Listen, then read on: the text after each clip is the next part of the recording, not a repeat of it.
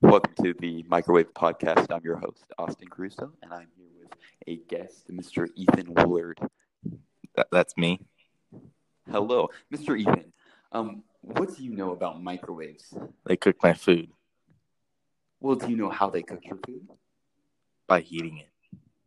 Well, you see, the microwaves uh, move up the water molecules in the food, and the movement creates heat, which is what cooks your food. That is very interesting. Is that why fresh vegetables that contain more water cook faster than dry foods? Yes, that's exactly right, Ethan. Are you aware of the uses of microwaves, Ethan? I only use them to cook my food. Okay, fair enough. But, you know, as we do use them for, for cooking food, there's also some other uses. They are actually widely used in modern technology. For example, point to more, point-to-point communication links, wireless networks.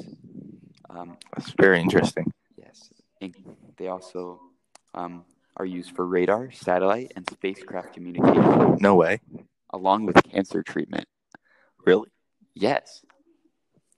That's cool.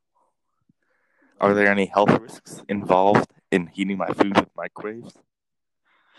Probably not. Um, oh, if you are exposed to microwaves for a long period of time, it will damage you. But That is scary. I don't think you're going to be walking into your microwave anytime soon.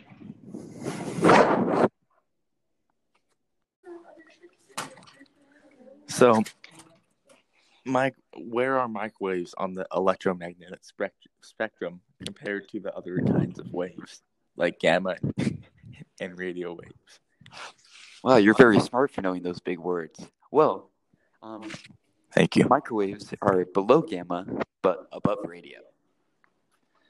And what does the frequency and wavelength of microwaves look like? The frequency the frequency is 10 to the ninth power hertz to 1000 gigahertz. The wavelength, That's pretty small. yeah, the, the wavelength is 30 me- centimeters to 1 millimeter. That's really small. Yes, it is. So, how were these waves discovered? Or how was it discovered that they could, that they could cook food? That seems like a pretty useful thing. Well, a scientist discovered it while trying to build a sonar for airplanes, and it melted the chocolate in his in his uh, breast pocket. That's very interesting. Yeah. Also, very lucky. Yes, it was a complete accident.